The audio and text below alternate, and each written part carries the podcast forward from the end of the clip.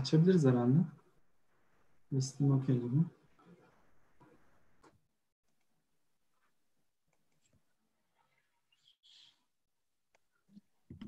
Herkese merhaba, ben Başak. Kesyan Yollar Derneği'nin Kariyer Sohbetleri programına hoş geldiniz. Bugünkü konuğum Caner Çağlar. Caner, bugün e, moleküler biyoloji ve genetik üzerine konuşacağız. Caner Bey merhaba, hoş geldiniz. Merhaba Başak, nasılsın? Teşekkür ederim. Çok teşekkür ederiz yeni teklifimizi kabul ettiğiniz için. Rica ederim, ne demek. Nasılsınız? Karantina günleriniz nasıl geçiyor? Karantina günleri maske kullanmaya alışarak geçiyor. Biraz yavaş yavaş öğrenmeye başladık maske nasıl kullanılır. Onun haricinde gayet iyi. Ben de e, hem bir tatil yapmak hem de iş görüşmelerini yapmak için Türkiye'ye geldim. Şu anda Türkiye'deyim. Hoş geldiniz. E, fena değil. İdare ediyoruz. Hoş bulduk. Ee, peki yani e, biz yayın e, yayının altındaki açıklamaya özgeçmişinizi yazdık ama siz de biraz kendinizden bahseder misiniz? Tabii. Ee, 2012 senesinde ben Bilkent Moleküler Biyoloji Genetik bölümünden mezun oldum. Ee, okul döneminde e, hem moleküler biyoloji genetikte hem de e, hem Bilkent'te hem de Yale'de çeşitli çalışmalarım oldu. Daha sonrasında mezuniyet sonrasında e, Yale Üniversitesi'nde iki sene e, lisans sonrası araştırmacı olarak çalıştım. İki senenin sonunda da doktora programlarına başvurdum Amerika'da. E, doktora programları içerisinden de kabul aldığım dok- doktora programları içerisinden Rockefeller Üniversitesi'nde e, doktorumu yapmaya karar verdim. Orada şu anda e, doktorumun son senesindeyim. Artık tez yazma, makale yazma, artık o aşamalara geldik. Bitme aşamasında. E, orada da asıl e, neuroscience üzerine, sinir bilimi üzerine çalışmalarım devam ediyor. E, leptin diye bir hormon var. Bu hormon işte bizim yemeği, ne kadar yemek yiyeceğimizi aslında kontrol ediyor. E, biz de bu hormonun beyin üzerindeki etkilerini, hangi nöron grupları üzerinde etkili olduğunu e, anlamaya çalışıyoruz. Güzel, keyifli e, ama bir o kadar da tabii zorlu bir süreç doktora. E, şimdi de umarım biraz deneyimlerimizi paylaşıp e, bizi dinleyenlere de faydalı olabiliriz. Yani doktora üzerine konuşacağız ama biraz da en başa dönersek yani siz neden moleküler biyoloji ve genetik bölümünü ter tercih ettiniz? Yani son yıllarda epey popüler bir bölüm oldu ama siz tercih yaparken bu bölümü gerçekten istiyor muydunuz yoksa puanıma yazık olmasın mı dediniz? Ee, şöyle ben aslında bu 5. sınıftan böyle 6. sınıfa doğru geçerken bizim zamanlarımızda böyle yavaş yavaş biyoloji dersi başlıyordu anlatılmaya. Ee, o noktada benim en sevmediğim dersti biyoloji. Hiç sevmiyordum. Böyle sürekli bana bir ezber gibi geliyordu. Ee, ama sonrasında böyle 7. 8. sınıfa doğru biyolojinin aslında hayatta ne kadar iç içe olduğunu anlamaya başladım. O dershanedeki özellikle biyoloji hocalarının etkisiyle. Sonra böyle biraz genetiğe eğilimim arttı. Sonra lise zamanlarında da çok e, kaliteli bir biyoloji hocamız vardı. E, onun biyolojiyi anlatış şekli beni genetiğe daha da yaklaştırdı.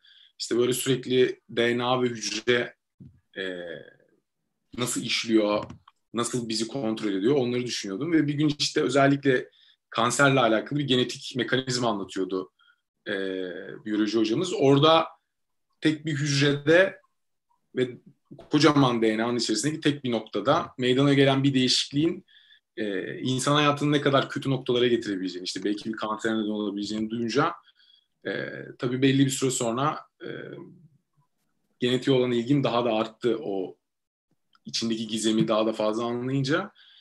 E, dolayısıyla genetiği aslında bilinçli bir şekilde seçtim diyebilirim. Yani o zamanın kafasıyla bilinçli şekilde tabii yani her şeyi bildiğimden değil. E, hatta e, ben hani puanıma puanına yazık olmasın diye genetiği seçenlerden değil, puanına yazık ederek genetiği seçenlerdendim. E, Türkiye'de ben o zaman 154. olmuştum. Giremediğim bir üniversite veyahut da bölüm yoktu. E, ama böyle çok isteyerek, ben bunu istiyorum diyerek e, genetiği tercih etmiştim. O şekilde oldu. Yani moleküler biyoloji ve genetik bilimine ilgi duyduğunuzda o zaman bu şekilde okuldaki hocalarınız sayesinde fark ettiniz. Evet, okuldaki hocalarımın çok büyük etkisi oldu. Daha sonrasında işte bizim okul gezilerimiz oluyordu, üniversite gezilerimiz oluyordu. O üniversite gezileri sırasında da e, genetik bölümündeki hocalarla tanışabilme şansım oldu. Biraz onlarla da konuşma fırsatım oldu. E, oradaki araştırma ortamı beni bayağı etkilemişti. E, bir de işte biraz biyoloji olimpiyatlarında da çalışıyordum o sıralarda. Orada da işte deneysel düzenekler hakkında daha fazla bilgiye sahip olmaya başladıkça e, evet dedim ben genetik okuyacağım ve sonrasında genetik tercih ettim ve okudum. Biraz da o katıldığınız biyoloji olimpiyatlarından bahseder misiniz? Size ne kattı biyoloji olimpiyatlarına katılmak? Aslında biyoloji olimpiyatlarına katılmak neredeyse beni biyolojiden soğutuyordu. Böyle doğru bir çizgide durdum. Çünkü inanılmaz ezberin olduğu e, bir sistem var. Özellikle ilk basamaklarında. E, ama orada e, işin bir ileriki seviyesinde deneysel düzenekleri daha fazla anlamaya yardımcı olduğu için o ezberden biraz daha kurtulup e, o ezberin arkasında deneylerin nasıl işlediğini e, anlamaya başlayınca e, bana çok etkisi oldu. Bir de tabii o sürece hazırlanırken üniversite şey, lisenin bünyesindeki laboratuvarda da deneyler yapıyorduk. E, o deneylerle ben evet dedim hani ben laboratuvarda olmalıyım. E, laboratuvarda çalışmalıyım. Öyle bir etkisi oldu benim için. Sonra neden Bilkent'i tercih ettiniz? Bilkent e, dediğim gibi hem bizim üniversitelere gezilerimiz olmuştu. E, Bilkent'e, Boğaziçi'ne, Sabancı'ya. O zaman bu üç okul ODTÜ'de vardı. Bu dört okul genetik, moleküler biyoloji ve genetik alanında çok öndeydi. E, ben daha çok insan genetiği çalışmak istiyordum. E, o sıralarda gittiğimiz okullarda insan genetiğinin en fazla Bilkent'te çalışıldığını gördüm. E, işte bazı okullar daha çok bitki genetiği çalışıyorlardı. E, bazı okullar hayvan genetiği çalışıyorlardı. E, bazıları daha böyle hücresel biyoloji çalışıyorlardı. Benim istediğim şey insan genetiğiydi. E, belki işte biraz kanser genetiğiydi. O da Bilkent'te vardı. E, o yüzden ben direkt zaten e, Bilkent'i tercih ettim. Başka tercih de yapmamıştım hatta. Tek tercihim. Biraz fazla böyle biraz fazla ve gereksiz belki ne istediğini bilen bir yapım vardı. Belki öyle de olmamak gerekiyor ama e, süreç içerisinde de gayet e, güzel bir deneyim yaşadım Bilkent'te. O nedenle seçtim Bilkent'i. Peki yani Bilkent'in hem akademik hem ve so- hem de sosyal anlamda diğer üniversitelerden farkı ne? Yani tercih yapacak bir öğrenci neden Bilkent'i tercih etmeli? Yani şu andaki ortamda çok, çok hakim değilim. E, tabii aradan yaklaşık 8 sene geçti ben Bilkent'ten mezun olalı. Ama e, tabii mesela Boğaziçi Üniversitesi'nin sosyal ortamı da e, oldukça iyi. Diğer üniversitelerin de birçok üniversitenin sosyal ortamının iyi olduğunu düşünüyorum. E, Bilkent'te biraz e, özel bir üniversite olmasından kaynaklanan araştırma olanaklarının daha iyi olması e, söz konusuydu. E, o açıdan büyük bir artısı vardı. E, eğit, yani profesör kadrosu, akademik kadro gerçekten e, çok yeterliydi. Yurt dışı ile çok fazla bağlantıları vardı. E, bu tabii yurt dışı ile hocaların bağlantıları olması öğrenciler için çok büyük bir avantaj. Özellikle staj dönemlerinde yurt dışında staj yapmak istediğinizde sizi direkt kontaklarıyla irtibata geçirip staj yapmanız çok kolaylaştırıyorlar. Hakeza benim stajlarımdan bir tanesi de bu şekilde gerçekleşmişti. E, sosyal anlamda da e, Bilkent'in bir kere kampüs üniversitesi, kampüs üniversitesi olması güzel bir şey o sosyal ortamı yaşamak açısından. Çok fazla kulüp etkinliği var. Ee, onlar büyük bir avantaj. Ee, ama yani bu tabii bu avantajların hepsi bence Boğaziçi'de, Sabancı'da ve ODTÜ'de de var. Hatta belki daha e, iyi noktalarda da var. E, benim tercih etme sebebim daha çok akademik yönde beni daha iyi bir noktaya getireceğini düşünmemdi. E, onun haricinde yani sosyal açıdan çok işte Boğaziçi'nden şöyle iyidir, Sabancı'dan şöyle iyidir diyebileceğim bir çok fazla noktası yok aslında. Yani onların sağladığı e, kulüp aktiviteleri işte e, iyi iyi bir burs veriyorlar e, burslu öğrencilerine. O tabii sizin öğrencilik hayatınızı çok kolaylaştırıyor. Daha fazla hayatı görebilmenizi, kafanıza göre takılabilmenizi sağlıyor.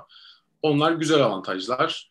Ee, onun haricinde zaten e, işte normal arkadaş ortamı olarak da hani genelde böyle bir kentle alakalı şöyle bir algı var. O biraz yıkıldı tahmin ediyorum ama hani işte özel üniversite, işte zengin öğrenciler, burslu öğrenciler böyle bir sıkıntı varmış gibi düşünülüyor. Ama halbuki e, gerçekten e, ikisini böyle çok iyi e, karıştırmış ve bir arada güzel eğitim almalarını sağlayabilen bir üniversite olduğunu söyleyebilirim. Teşekkürler cevabınız için. Ee, peki sizce kimler moleküler biyoloji ve genetik okumalı? Yani insanlar evet. moleküler biyoloji ve genetiğe ilgi duyduklarını nasıl fark edebilirler? Ya ben şöyle fark ettim. Ee, biyolojiyle alakalı, hücreyle alakalı, DNA ile alakalı bir şeyler duyduğum zaman e, böyle acaba onu nasıl düzeltebilirim? Acaba yani kendimce böyle bir bir yolculuğun içine giriyormuş gibi hissediyordum yeni bir şey öğrendiğimde. Hatta bazen böyle wow diyordum yani tüylerim diken diken oluyordu. Çok etkileniyordum hocanın derste anlattıklarından. Ama tabii ki herkes de böyle büyük bir etki yaratması da hani beklemek doğru olmaz. Belki zaten bu kadar büyük bir etki de yaratmamalı. Ee, hani biraz yani şu şekilde bir tercih yapılmaması gerektiğini düşünüyorum ben. Hani daha en başta da söylediniz yani puanım e, boşa gitmesin diye moleküler biyoloji ve genetik mi tercih ettiniz diye sordun ya mesela. Hani o şekilde olmamalı. Çünkü e, moleküler biyoloji ve genetik bir temel bilim ve bir temel temel bilimler hakikaten çok zor. Özellikle Türkiye'de temel bilim okumak çok zor. E, moleküler biyoloji ve genetik okuduktan sonra insanların yaşayacağı bir sürü sıkıntılar var. Çünkü aslında bir meslek olarak e, ele alınmıyor moleküler biyoloji ve genetik Türkiye'de. E, dolayısıyla sürekli mücadele etmek zorunda kalıyorsunuz. Akademik kadrolar çok fazla değil. E, dolayısıyla mezuniyet sonrasında birçok sıkıntı yaşayabilme ihtimaliniz artıyor. E, o yüzden gerçekten e, biyolojiye ilgisi olan ama bu ilgiyi de biraz aslında temellendirmeleri gerektiğini düşünüyorum ben. Yani işte ben biyolojiyi seviyorum diyerek de tercih yapılmamalı. Ee, en azından mesela şu anda gittikçe artıyor lise seviyesindeki öğrencilere dahi bazı üniversitelerin yaz staj programları oluyor. Ee, o yaz staj programlarına katılabilir özellikle lisedeki öğrenciler. En azından laboratuvar ortamının nasıl olduğunu gözlemleyebilirler. Mesela ben Bilkent'te okuduğum süreç içerisinde e, farklı liselerde okuyan birçok öğrenci yazın staja geliyorlardı bizim yanımızda. Bir ay, iki ay, üç ay bizimle birlikte çalışıyorlardı. Ve onlar için hakikaten çok faydalı oldu bu. Çünkü o zamana kadar biyolojiyi sadece kitapta görüyorsunuz. Ama hiçbir şey kitaptaki gibi değil. Çünkü kitapta ezberliyorsunuz, bir şeyler öğreniyorsunuz ya da ezberlemeseniz de. Ve tamam ondan sonra biyolojide artık başarılı oluyorsunuz. Ama laboratuvarda bir şeyleri ezberlemek veyahut da öğrenmek işe yaramıyor. Sürekli denemeniz lazım. Çok sabırlı olmanız gerekiyor. Ee, özellikle sabır çok önemli. Yani birçok meslekte önemli ama genetikte, temel bilimlerde çok daha fazla önemli. O yüzden biraz sabırlı olması gerekiyor bu bölümü seçecek kişinin. Ve aynı zamanda başarısız olmaya da açık olması gerekiyor. Çünkü 10 tane deney yapıyorsunuz, 15 tane deney yapıyorsunuz. Belki bir tanesi çalışıyor, geri kalan hiçbiri çalışmıyor, çöp oluyor. Ee, sürekli başarılı olmaya alışkın bir insanın da bu bölümde ben zorlanabileceğini düşünüyorum. Denemekten korkmayan, e, gerçekten biyolojiyi seven, e, sabırlı ve e, biraz da başarısız olmaya açık. Yani başarısız olunca üzülmeyen, motivasyonunu kaybetmeyen birisinin olması gerekiyor. E, yoksa e, çok uzun bir maraton. Master, doktora, postdoc, akademi. E, dolayısıyla bu özellikleri kesinlikle ben barındırması gerektiğini düşünüyorum bu bölüme giren öğrencilerin. Yani şey söylemiyorum mesela işte çok yaratıcı olması gerekiyor ya da işte e, hakikaten zeki olması gerekiyor. Mesela bunlar belki çok iyi bir bilim insanı olmak için gerekli şeyler.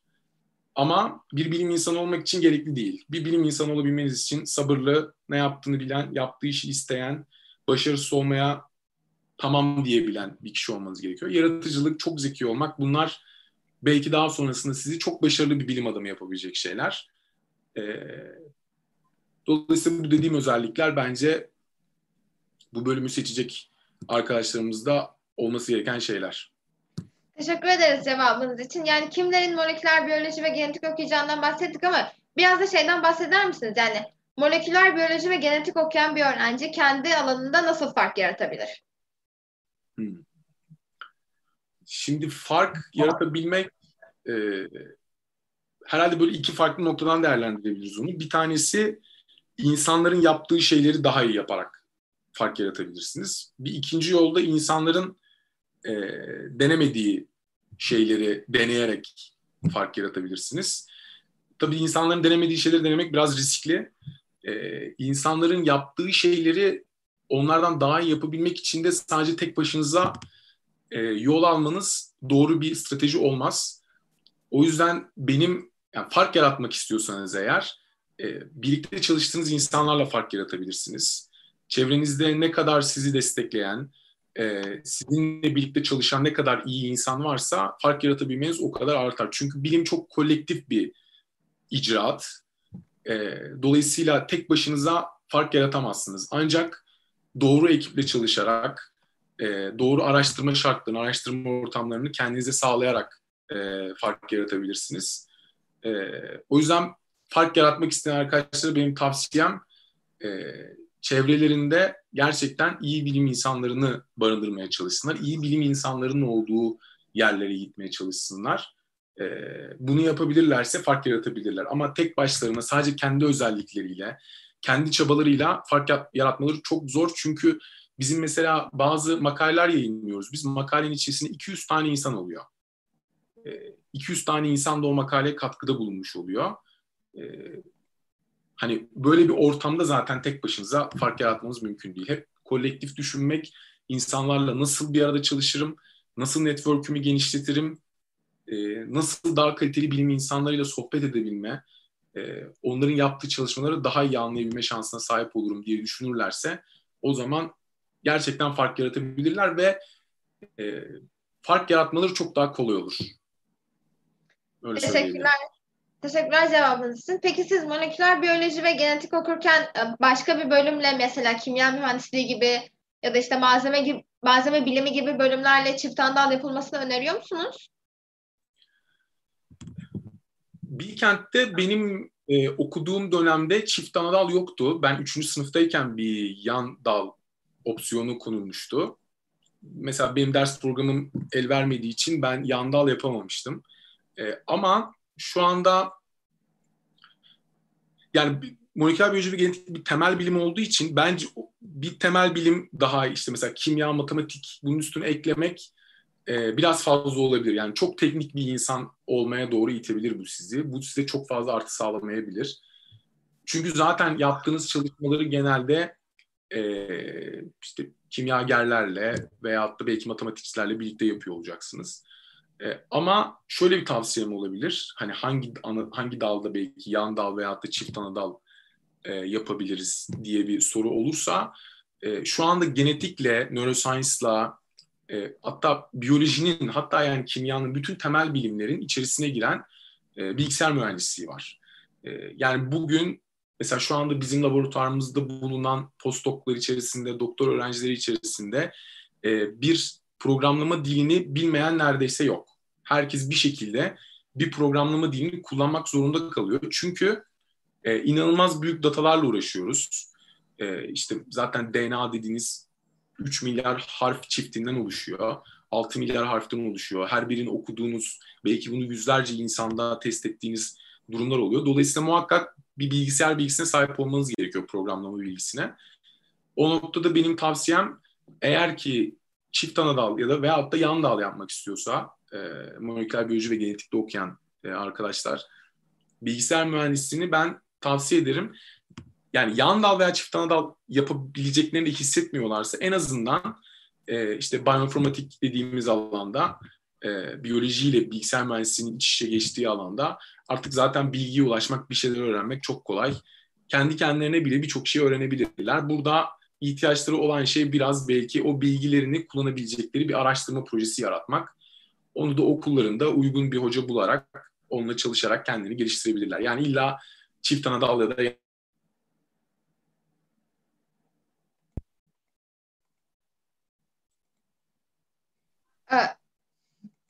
Sesiniz Tamam, teşekkürler cevabınız için. Caner Bey sesiniz kesildi bu arada ama. Hiç mi gelmiyor? Ha tamam, şimdi şimdi duyabiliyorum. Okay, Az önce kesilmişti. Ee, cevabınız için teşekkürler. Yani yurt dış, yurt içindeki fırsatlardan bahsettik. Peki biraz da yurt dışındaki fırsatlardan bahsedersek siz de lisansınız sırasında yurt dışında staj yapmışsınız. Moleküler evet. biyoloji ve genetik okuyan bir öğrenci için yurt dışında ne gibi fırsatlar var? Moleküler biyoloji ve genetik okuyan bir öğrenci için yurt dışındaki imkanlar sınırsız. Ee, belki bunu yani birçok öğrencinin bunun farkında olmadığını düşünüyorum. E, yani örneğin ben moleküler biyoloji ve genetik bölümü okurken bunun bu kadar farkında değilim, değildim. Amerika'ya gelmenin ve Amerika'da doktora yapmanın e, bu çok büyük bir avantajı oldu. E, bunları öğrenmek.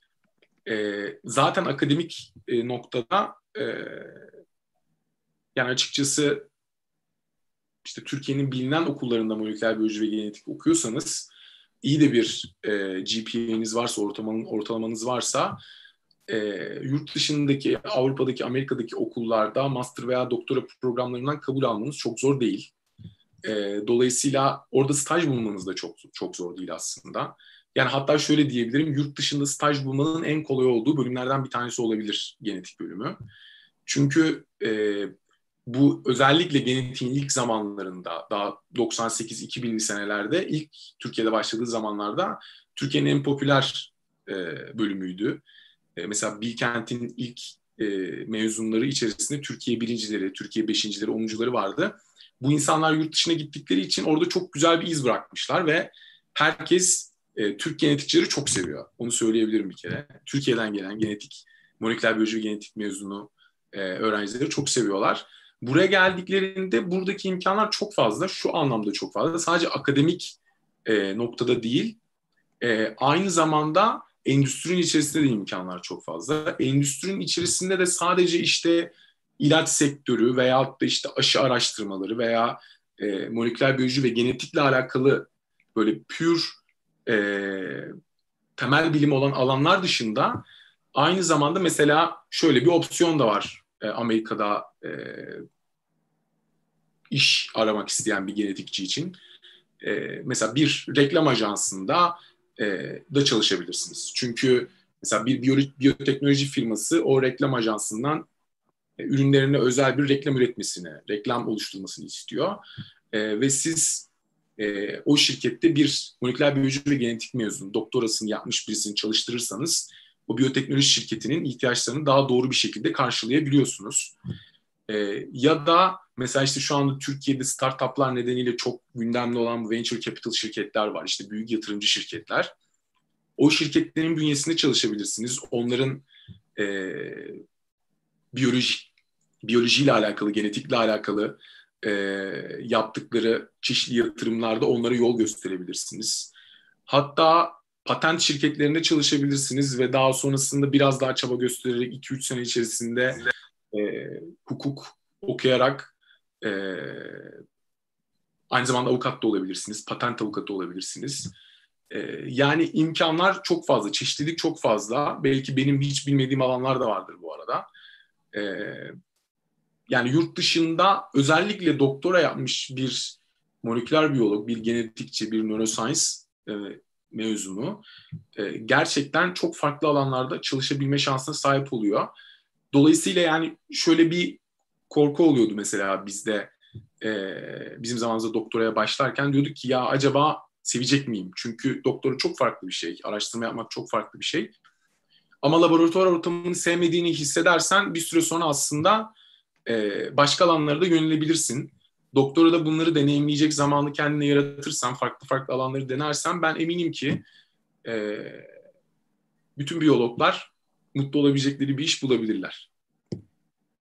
Teşekkürler cevabınız için. YouTube'dan şöyle bir soru gelmiş. Yale Üniversitesi'ne başvurunuzda sizce sizi öne çıkaran şey neydi ve stajı üniversiteniz aracılığıyla mı buldunuz yoksa kendi başınıza mı? Ben e, stajı üniversitem aracılığıyla buldum. E, şöyle oldu, e, ikinci sınıfta ben e, bölümümüzden bir hocayla çalışmaya başladım, Tayfun Özçelik'le. E, Tayfun hocam e, inanılmaz gençlere önem veren, onların desteklenmesi gerektiğine çok inanan bir e, hocaydı. Hala da öyle, hala da görüşüyoruz kendisiyle. E, o benim tabii ki istekli olduğumu gördü ve benim kendimi daha çok geliştirmem gerektiğini düşündü. E, o sıralarda Yale Üniversitesi'nde e, Murat Günel'le e, orada çok saygıdeğer bir isim. Beyin cerrahisinin başında aynı zamanda e, insan genetiğiyle alakalı müthiş çalışmalar yapıyor. E, onunla ortaklaşa yürüttüğü bazı projeler vardı ve beni Murat Hoca'ya önerdi. Dedi ki ya dedi işte bizim çok sevdiğimiz bir öğrencimiz var. e, gelsin yazın senin yanına 3 ay staj yapsın. E, o da hay hay dedi. Çok memnun olurum dedi. Ve o şekilde Yale serüvenim başladı. E, yani benim durumumda ben aslında e, böyle kendi başıma çok fazla zorlamak zorunda kalmadım. O yüzden aslında biraz en başta şunu vurguladım. Fark yaratmak isterseniz ne yapmalısınız diye. Fark yaratmak isterseniz doğru insanlarla bir arada olmanız gerekiyor. Doğru insanlarla bir arada olursanız e, fark yaratabiliyorsunuz. Ya da fark yaratmaya daha yakın olabiliyorsunuz. Ama hani onun haricinde benim mesela e, 100 tane farklı yere mail atıp 5-10 tane yerden e, staj kabulü alan arkadaşlarım da vardı. E, o, o şekilde de staj yapabileceğiniz bir yer bulmanız mümkün zaten. Bir soru daha gelmiş YouTube'dan. Lisans 1'in yazında yurt içi yahut yurt dışı staj, laboratuvar vesaire gibi e, tecrübeleriniz oldu mu? Yoksa birinci sınıf olduğunuz için e, başvurulardan red aldığınız oldu mu? Bunu anlatabilir misiniz demiş. Ben şimdi çok e, biraz bakıyorum geriye dönüp yapmadım ben birinci sınıfta staj. Hatta hiç böyle başvurmadım daha iyi.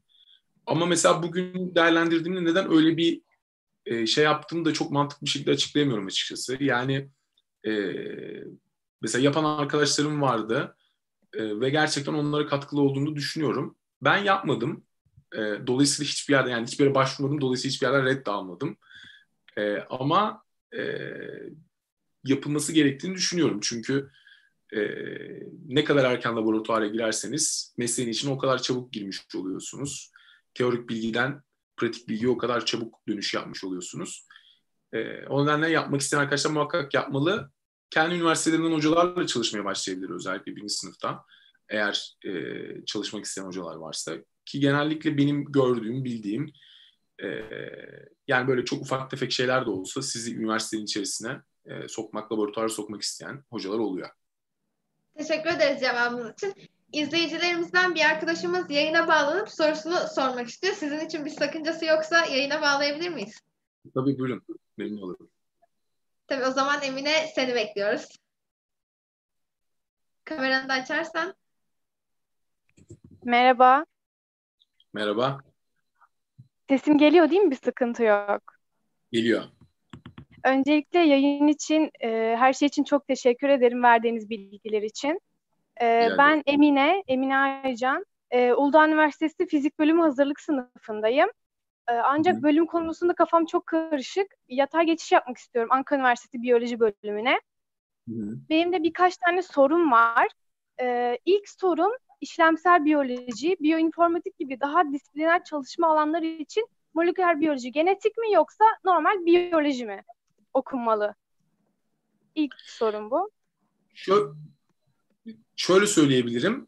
Yani biyoloji bölümünde muhtemelen çok daha geniş, bildiğim kadarıyla çok daha geniş bir ders programı var. Ee, Birçok farklı alandan ders alıyorsunuz aslında. Yani mesela bizim Bilkent'te biz bitki genetiğiyle, bitki biyolojisiyle alakalı hiçbir şey almıyorduk ama muhtemelen bir biyoloji bölümünde bu bilgileri e, size vereceklerdir. E, yani şunu söyleyebilirim. Benim sana tavsiyem hani moleküler biyoloji ve genetik veyahut da biyoloji veyahut da genetik mühendisliği ve işte biyoteknoloji. Yani bunlar çok birbirine benzer bölümler. Burada e, dikkat etmen gerekenin bölüm olmadığını düşünüyorum ben. Çünkü biyoloji bölümünü okuduktan sonra e, doğru hocalarla birlikte çalıştığın zaman işte biyoinformatik alanında da araştırmalar yapabilirsin. Yani gittiğin üniversitenin sana sağlaması gereken şey şu. Sen eğer interdisipliner bir şey çalışmak istiyorsan bunu çalışan hocalar var mı orada? Bunu buna bakman gerekiyor. Yani benim sana tavsiyem bu yönde olur. Ee, eğer e, bu alanlarda çalışan hocalar varsa zaten şöyle olacak durum. Sen bazı dersler alacaksın üniversitede ve onları zaten belki hiç kullanmayacaksın orada öğrendiğin bilgileri. Ama e, ilgi duyduğun alanda çalışan bir hoca varsa o hocayla e, çalışma fırsatı bulacaksın ve o çalışma fırsatının sonrasında aslında sen istediğin alanda kendini geliştirebileceksin.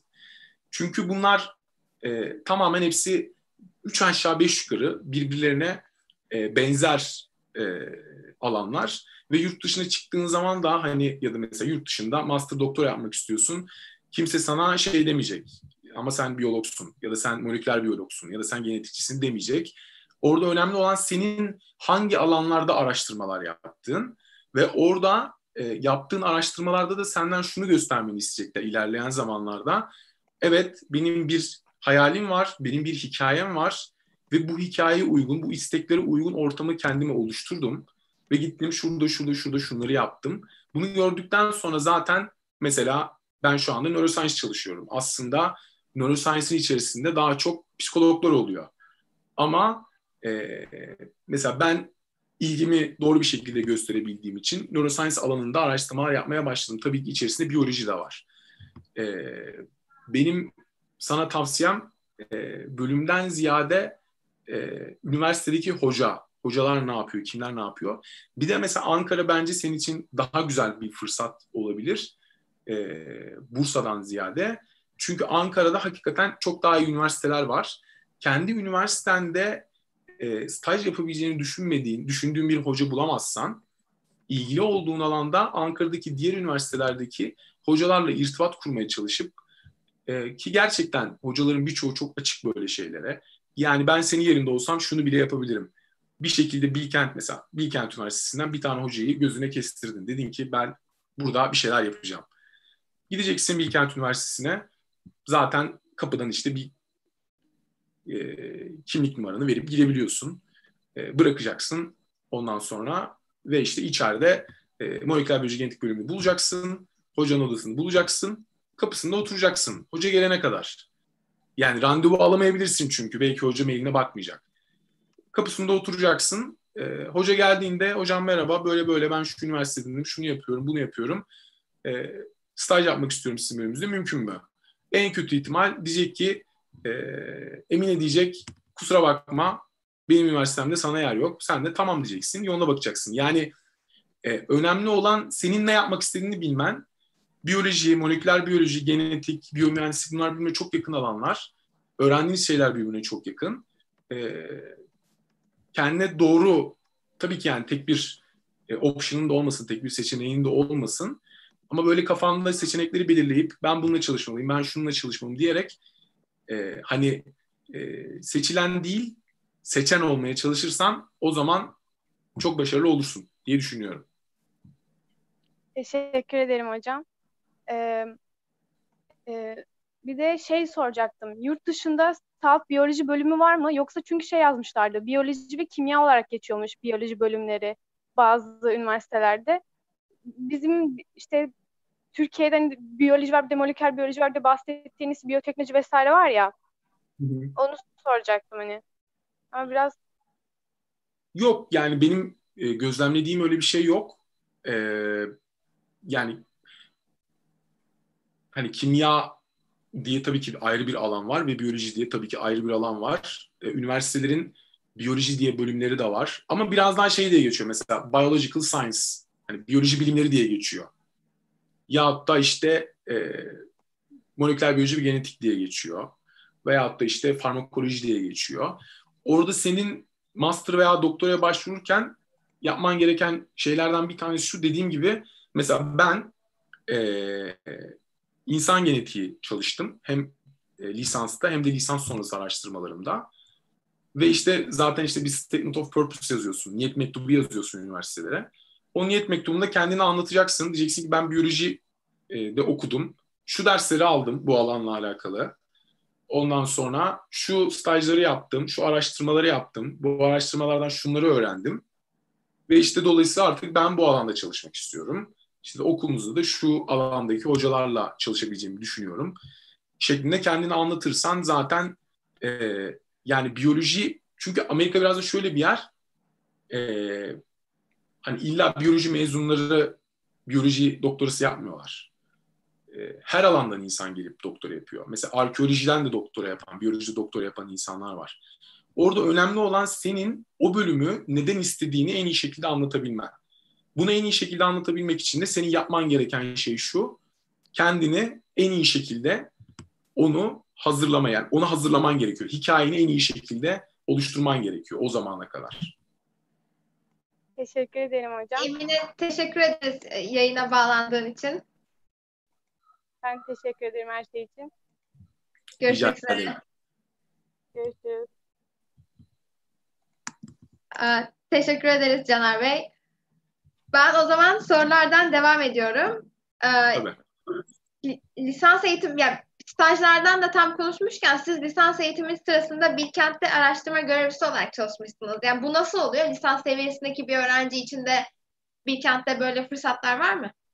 Yani şöyle araştırma görevlisi aslında e, bir doktora öğrencisi vardı e, Tayfun hocamın. Onunla beraber ona yardımcı oldum aslında. Hani araştırma görevlisinden e, anlaşılması gereken şey işte tek başına bir proje yürüten bir durumda değildim tabii ki. E, yaklaşık ben bir buçuk iki sene hatta mezuniyetime kadar ikinci sınıfta üç sene boyunca e, Tayfun Hocam'ın laboratuvarındaki farklı farklı doktor öğrencileriyle projeler yürüttüm. Onlara projelerinde yardımcı oldum. E, işte laboratuvara giriş çıkış yapıyordum. E, yani normal bir sanki master öğrencisiymiş gibi e, onlarla beraber çalışıyordum. Deneyler düzenliyorduk, deneyler yapıyordum. Yani e, Bilkent bu konuda çok açık. Benim birçok arkadaşım da bu konuda hocalarla birlikte çalışıyorlardı. E, ve diğer üniversitelerde de e, bu şekilde çalışan birçok arkadaşım var. Zaten bunu yapmak zorunda moleküler biyoloji ve genetik bölümünde okuyan öğrenciler. E, ancak o şekilde kendinizi geliştirebilirsiniz. Yani e, hani bir yemeği yerken güzel olduğunu bilebilirsiniz ama mutfağa girmeden güzel yemek yapamazsınız. Moleküler biyoloji aslında biraz aşçılığa benzer. Dolayısıyla mutfağına kesinlikle girmeniz gerekiyor. Teşekkürler cevabınız için. YouTube'dan da sorular gelmeye devam ediyor. Bir arkadaşımız şöyle bir soru sormuş. Kimya lisansından sonra biyoinformatik çalışmak ne kadar mümkün veya mantıklı demiş. Kimyada da e, biyoinformatik demek şu demek aslında. E, bilgisayar mühendisliğinde öğrenilen bazı programlama dillerini temel bilimlere entegre etmek. Bunun içinde biyoloji de var, bunun içinde kimya da var. E, kimyanın içerisinde eğer ki, şimdi tabii hani kimyayı da hep ben düşünürken biyokimya olarak düşünebiliyorum. Çünkü bir kimyacı olmadığım için yani pür kimya da neler biliniyor, neler yapılıyor bilmiyorum. Ama biyokimya şeklinde düşündüğüm zaman biyoinformatik alanında master yapmak, e, doktora yapmak çok mantıklı. Çünkü ve eminim kimyada da böyledir. Çünkü biyoinformatik size şunu sağlıyor. Büyük datalarla çalışma fırsatı sağlıyor size. Muhakkak kimyada da çok büyük datalarla çalışmak zorunda kalınıyordur artık. Dolayısıyla sizin o biyoinformatikte öğretilen e, bilgisayar mühendislerinin öğrendiği çeşitli programlama tekniklerini, dillerini öğrenerek e, çok rahat bir şekilde aslında kendi öğrendiğiniz temel bilme entegre edebilirsiniz. Bence gayet mantıklı. Özellikle bilgisayar programlarını kullanmakla ilgilenen bir arkadaşımızsa e, çok güzel bir seçenek olur onun için. Yani tam böyle akademideki ve e, bu bölümde okurken ki e, fırsatlardan bahsettik ama şimdi biraz da şeyden bahsetmek istiyorum. Moleküler e, yani bölüm okuduktan sonra moleküler biyoloji ve genetik bölümü için hem akademideki hem de endüstrideki fırsatlardan bahseder misiniz? Sizin her ikisinde de tecrübeniz var. Evet. Ee, Türkiye'de biraz daha yani Türkiye'de fırsatlar var ee, ama fırsat çeşitliliği ya da fırsatın hacmi biraz küçük. Ee, dolayısıyla fazla çok fazla bir aslında e, competition var. Ee, ama yurt dışında e, imkanlar daha demin de söylediğim gibi hem imkanlar çok fazla hem de çeşitlilik çok fazla. E, akademinin içerisinde e, birçok şekilde ilerleyebilirsiniz. Mesela benim kim arkadaşlarım var e, postdoc olduktan sonra hoca olmayı tercih etmiyorlar. Çünkü mesela grant yazmayı sevmiyorlar, proje yazmayı sevmiyorlar ve diyorlar ki proje yazmakla hoca uğraşsın. Benim önüme hazır proje gelsin. Ben bu proje üzerinde çalışayım. Ve işte ömrü boyunca e, bir hoca ile beraber onun projelerine yardımcı olarak devam edebiliyor. Türkiye'de de muhtemelen böyle opsiyonlar vardır. E, onun haricinde akademide zaten e, direkt araştırmacı olarak çalışabiliyorsunuz. Şimdi Amerika'daki farklardan bir tanesi de şu.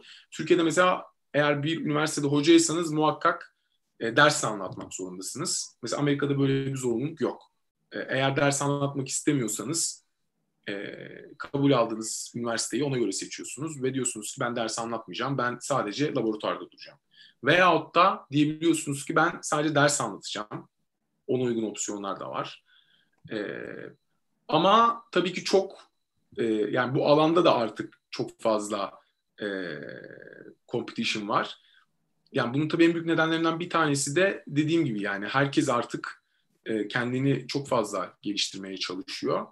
E, o nedenle zaten endüstrinin içerisine kaymaya çalışan e, insanlar da çok fazla.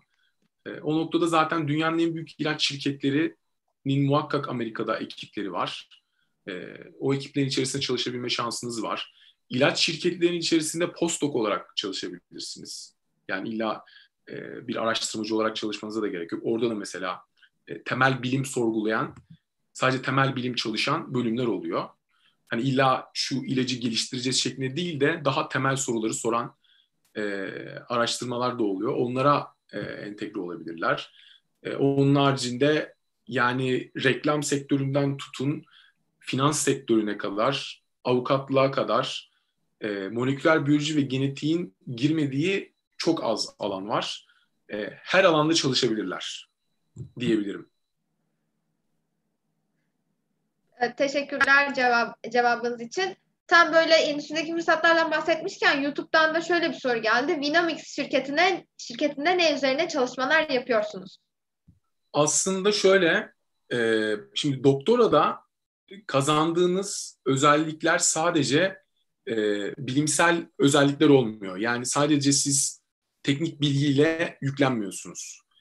E, doktora demek aynı zamanda patron olmak demek, aynı zamanda işçi olmak demek, aynı zamanda öğrenci olmak demek, aynı zamanda müdür olmak demek. Yani bütün bu proseslerin hepsini yapan kişi siz oluyorsunuz. Çünkü tamamen bağımsız bir şekilde bir proje yürütmeyi öğreniyorsunuz. Ve bunu yaparken bir proje nasıl yürütülür, nasıl strateji yürütülür, bunların hepsine de e, cevap bulmanız gerekiyor.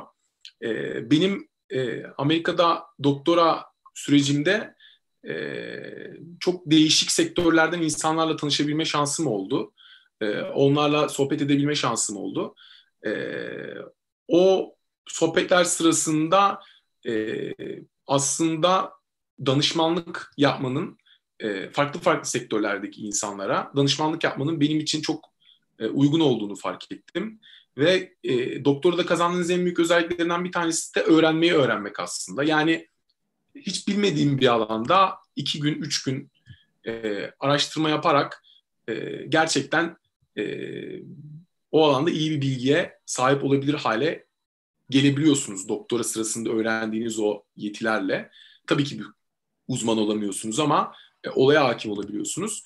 E, şu anda Vinomix'te de yaptığım e, Amerika'da e, çeşitli startuplara, çeşitli şirketlere, firmalara danışmanlık veriyorum. Onlara iş geliştirme noktasında yardımcı oluyorum. Yeni stratejiler üretmelerini sağlıyorum. Tamamen aslında moleküler biyoloji ve genetikten bağımsız ama doktora da kullandığım ve edindiğim bütün e, becerileri kullanarak farklı bir alanda deneyim yaşıyorum. Teşekkürler cevabınız için. Peki moleküler biyoloji ve genetik bölümü ile genetik mühendisliği arasında ne gibi farklar var? Siz hangisini önerirsiniz? E, aslında Emine'nin biraz önce sorduğu soruyla da ilişkili. E, genetik mühendisliğinde benim birkaç tane arkadaşım var biyoteknoloji okumuş olan. E, genetik mühendisliği ve biyoteknoloji okumuş olan lisans eğitiminde. Onlardan gördüğüm kadarıyla moleküler biyoloji ile farkı şu noktada oluyor. Moleküler biyolojide daha çok işte hücre, DNA ve işte bunun benzeri yani bu minvalde şeyler çalışıyorsunuz. Ama işin içerisinde genetik mühendisliği ve biyoteknoloji girmeye başladığı zaman artık e, mesela bizim laboratuvarda kullandığımız e, biyoteknolojik aletler, bunlar nasıl yapılır, nasıl dizayn edilir, e, bunların özellikleri nelerdir, bunları öğrenmeye başlıyorsunuz. Aslında e, biraz daha olayın e, hardware kısmında yani o e, aletlerin kullanıldığı alanda kendinizi geliştirmiş oluyorsunuz. Biraz daha spesifik bir alan. Çünkü aslında mühendisliğin bir alt dalı olarak düşünebilirsiniz genetik mühendisliğini veya biyoteknolojiyi. E, dolayısıyla biraz belki e, kendinizi kısıtlamış olabilirsiniz e, bu alanı tercih ettiğinizde. Yani onun yerine hani eğer puanları yetiyorsa e, mesela elektrik elektronik mühendisliğini okuyabilirler ve bir taraftan da genetikle alakalı birkaç tane ders alıp, moleküler biyolojiyle alakalı birkaç tane ders alıp e, bu iki alanı bir araya getirebilirler. Zaten Türkiye'de de şu anda e, işte elektrik, elektronik mühendisliği, fizik, biyoloji bunların entegre olarak çalıştığı bazı enstitüler de var. O enstitülerde staj yapma imkanı bularak e, kendilerini daha iyi bir şekilde eğitebilirler. YouTube'dan da soru gelmeye devam ediyor. Bir arkadaşımız sormuş. İsmi Can. Caner Hocam genetik bilimini 20 sene sonra nerede görüyor? Sorabilir misiniz? Teşekkür ederim demiş. Evet o kadar ileri görüşlü.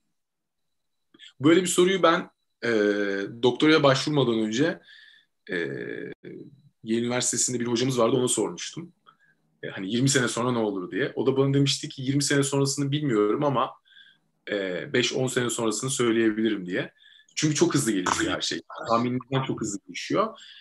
E, benim e, genetikle alakalı gördüğüm şeylerden bir tanesi, yani moleküler biyoloji ve genetikle alakalı gördüğüm şeylerden bir tanesi e, şu aslında e, artık e, inanılmaz fazla e, büyük verilerle uğraşıyoruz. Yani terabaytlarca verilerle uğraşıyoruz. Bu hangi alanda ne yaptığınıza, hani hangi araştırma yaptığınıza göre de değişmeyecek şekilde. E, dolayısıyla aslında e, biyoloji e, bir noktada bilgisayar mühendisliğinin bir alt dalıymışçasına hareket etmeye başladı. E, bir matematiğin bir alt dalıymışçasına hareket etmeye başladı. E, benim tahminim 5-10 sene içerisinde biyoloji artık tamamıyla bilgisayar mühendisliğine entegre e, bir hale gelecektir. E, bu özellikle e, verilerin gittikçe daha fazla, büyük verilerin daha fazla kullanılması nedeniyle e, moleküler biyoloji ve genetik içerisinde de gördüğüm kadarıyla özellikle beyinle alakalı e, çok daha fazla şey öğrenmeye başlıyoruz. E, çünkü çok fazla bilinmeyen var. E, dolayısıyla 5-10 sene içerisinde de bence en çok şey öğreneceğimiz alan e, neuroscience, sinir bilimi. E, bu zaten biyolojinin bir parçası. E, bu alanda en çok gelişmeyi de bu alanda göreceğimizi düşünüyorum. Teşekkürler cevabınız için. Yani lisansta, lisans hayatından bahsettik. Aslında biraz da lisans sonrasından bahsetmek istiyorum. Siz lisanstan sonra e, direkt olarak doktora başlamak yerine lisansüstü araştırmacı olarak çalışmışsınız. Neden direkt olarak doktoraya başlamadınız? Bunun bir sebebi var mıydı? Evet. Aslında ben biraz kolay kaçtım. Ee, çok güzel bir fırsat çıkmıştı önüme o noktada. Ee, üçüncü sınıfın yazında e, Yale'de staj yaptım. E, stajım çok iyi geçmişti. E, laboratuvar ortamı çok sevmiştim. Oradaki çalışma çalışan ekibi de onlarla çok iyi anlaşmıştık. Çok iyi vakit geçirmiştik. E, stajın sonrasında e, Murat Hocam dedi ki Caner şeyden sonra ne yapacaksın? E, mezun olduktan sonra. Dedim hocam doktoraya başvuracağım. Amerika'ya gelmek istiyorum. Dedi ki e, doktoradan çok iyi yerlerden kabul alman gerekiyor. İyi şeyler yapabilmen için. Sen gel dedi doktordan sonra iki sene e, bizimle çalış. E, burada biz seni iyicene pişirelim. Hem Amerika'yı görmüş ol hem kendini daha iyi geliştirirsin. E, ve tabii Yale çok etkileyici bir ortam. E, orada iki sene deneyimleme fikri benim çok hoşuma gitti. E, oranın bilimsel havuzunu, bilimsel dünyasını daha yakından e, tatma fikri çok hoşuma gitmişti. E, ve o noktada da ben kabul ettim. Çünkü zaten bu aslında bir noktadan tabii başka hocalarımla da konuştum bu şey mantıklı mı diye. E, aslında çok mantıklı bir karar verdiğimi de gördüm farkına varmadan. E, çünkü doktora doktora da bir noktada tek başınıza kalıyorsunuz. Bütün süreci kendiniz yönetmek zorunda kalıyorsunuz. En azından o iki senelik kısımda kendi kendime e, neler yapabilirim, ne kadar yetebilirim, e, bir de ne istiyorum, hangi konuda çalışmak istiyorum. E, onları deneyimleme şansım oldu. O yüzden benim için çok yararlı oldu. Teşekkürler cevabınız için. Peki lisanstan sonra Bilkent'i neden tercih etmediniz? Aslında az çok da bahsettiniz bundan ama. Evet. Bilkent'te e, güzel bir araştırma ortamı vardı. E, güzel araştırmalar da yapıyorduk. Ama tabii Yale'den böyle teklif gelince ben e, açıkçası hani orayı deneyimlemenin benim için çok daha iyi olacağını düşündüm. Bir de tabii ki e, Amerika'da doktoraya iyi yerlerden doktoraya kabul alabilmek için bir Amerika tecrübesinin olması çok etkili oluyor. E, biraz konfor zonumun dışına çıkıp e, Bilkent'te kalmayı o yüzden tercih etmedim. Teşekkürler. Yani peki hem akademide hem de endüstride tecrübesi olan bir insan olarak siz e, bu bölümü aldıktan sonra akademiyi mi, endüstriyi mi tavsiye edersiniz? Şöyle, e, ben bilim yapmayı tercih ediyorum. Hani bilimin içinde bir şekilde kalmayı tercih ediyorum. E, ve bu süreçte şunu da çok iyi öğrendim. E, hani bilim yapmak için illa akademide olmaya gerek yok. E, akademinin getirdiği tabii ki bazı avantajlar var. E, çok daha bağımsızsınız. Kendiniz hareket edebiliyorsunuz. E, istediğiniz soruyu sorup ona cevap üretmeye çalışabiliyorsunuz. E, sonuçta endüstrinin içerisinde e, bir noktada kendi işiniz dahi olsa başkalarına hizmet etmek zorundasınız. Yani başkalarının isteklerine göre hareket ediyorsunuz. E, dolayısıyla tam böyle hayal ettiğiniz şeyleri yapabileceğiniz bir ortam oluşmayabiliyor. E, benim bu noktada henüz tam bir karar vermiş değilim. E, akademide çünkü ilerlemenin başka zorlukları da var. E, mesela Amerika'da her ne kadar araştırma ortamı çok iyi olsa dahi e, araştırmanız için e, uygun bütçeyi bulmak gittikçe zorlaşıyor. E, Türkiye'de de bu bütçeyi bulmak biraz daha görecek kolay olsa dahi e, o araştırmaları yapabilecek e, kaliteli araştırma ortamını bulabilmek zor olabiliyor. E, yani sadece bilim yapmak için akademide olmak düşüncesinde değilim. Ama eğer e, bu ikisini kes, kesiştirebileceğim bir ortam yaratabilirsem daha güzel olur. Kaldı ki böyle bir seçim yapmak zorunda da olduğumu düşünmüyorum.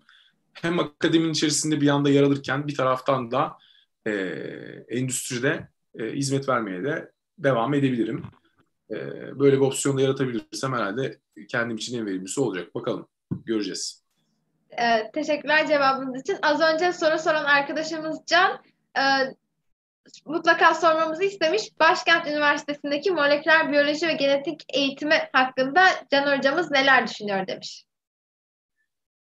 Ya açıkçası Başkent Üniversitesi ile alakalı hiçbir bilgim yok. Ee, yani muhakkak eğitim olarak güzel bir eğitimdir. Hani e, verilen dersler, hocaların kaliteleri çok ben sıkıntılı bir şey olacağını düşünmüyorum. E, ama tabii ki önemli olan araştırma ortamı. E, araştırma ortamı gerçekten iyiyse e, önemli olanın bu olduğunu düşünüyorum. Yani o, o noktada sıkıntı çekmeden aslında e, Başkent Üniversitesi'ne gitmek isteyebilir. Ama eğer hani şöyle bir sorusu, sıkıntısı varsa yani işte ben e, başkente gidebiliyorum. İşte başkentten daha belki hani araştırma olanakları daha iyi olan üniversitelere gidemiyorum gibi bir e, sıkıntısı varsa hani o noktada da aslında Emine'ye önerdiğimi e, Can'a da önerebilirim. E, yani Türkiye'deki bütün üniversiteler öğrencilerin.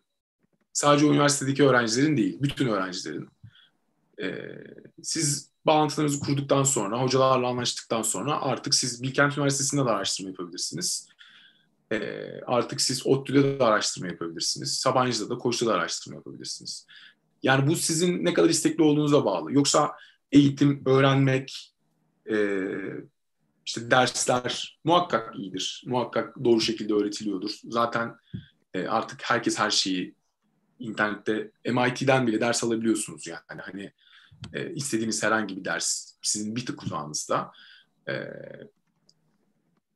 O yüzden yani hani Başkent Üniversitesi oluyorsa Başkent Üniversitesi olsun ama eğer ki araştırma ortamından mutlu değilse o ortamı onu sağlayabilecek yerlerle irtibata geçip biraz mücadele etsin. E, kendini daha iyi hissedeceği bir ortam kesinlikle bulacaktır diye düşünüyorum ben Can için. Teşekkürler cevabınız için. Ee, bizim sorularımız bu kadardı. Yayına katıldığınız için çok teşekkür ederiz. Rica ederim. Çok sağ olun. Ee, arkadaşlar bizi izlediğiniz için teşekkür ederiz. Geri bildirim anketinizi geri bildirim anketimizi lütfen doldurun. Chatten paylaştık. Tercih dönemi yayın serimiz devam ediyor. Önümüzdeki 12-13 gün boyunca da yayın serimiz devam edecek. Tekrardan teşekkür ederiz bizi izlediğiniz için. Görüşmek üzere. Görüşürüz.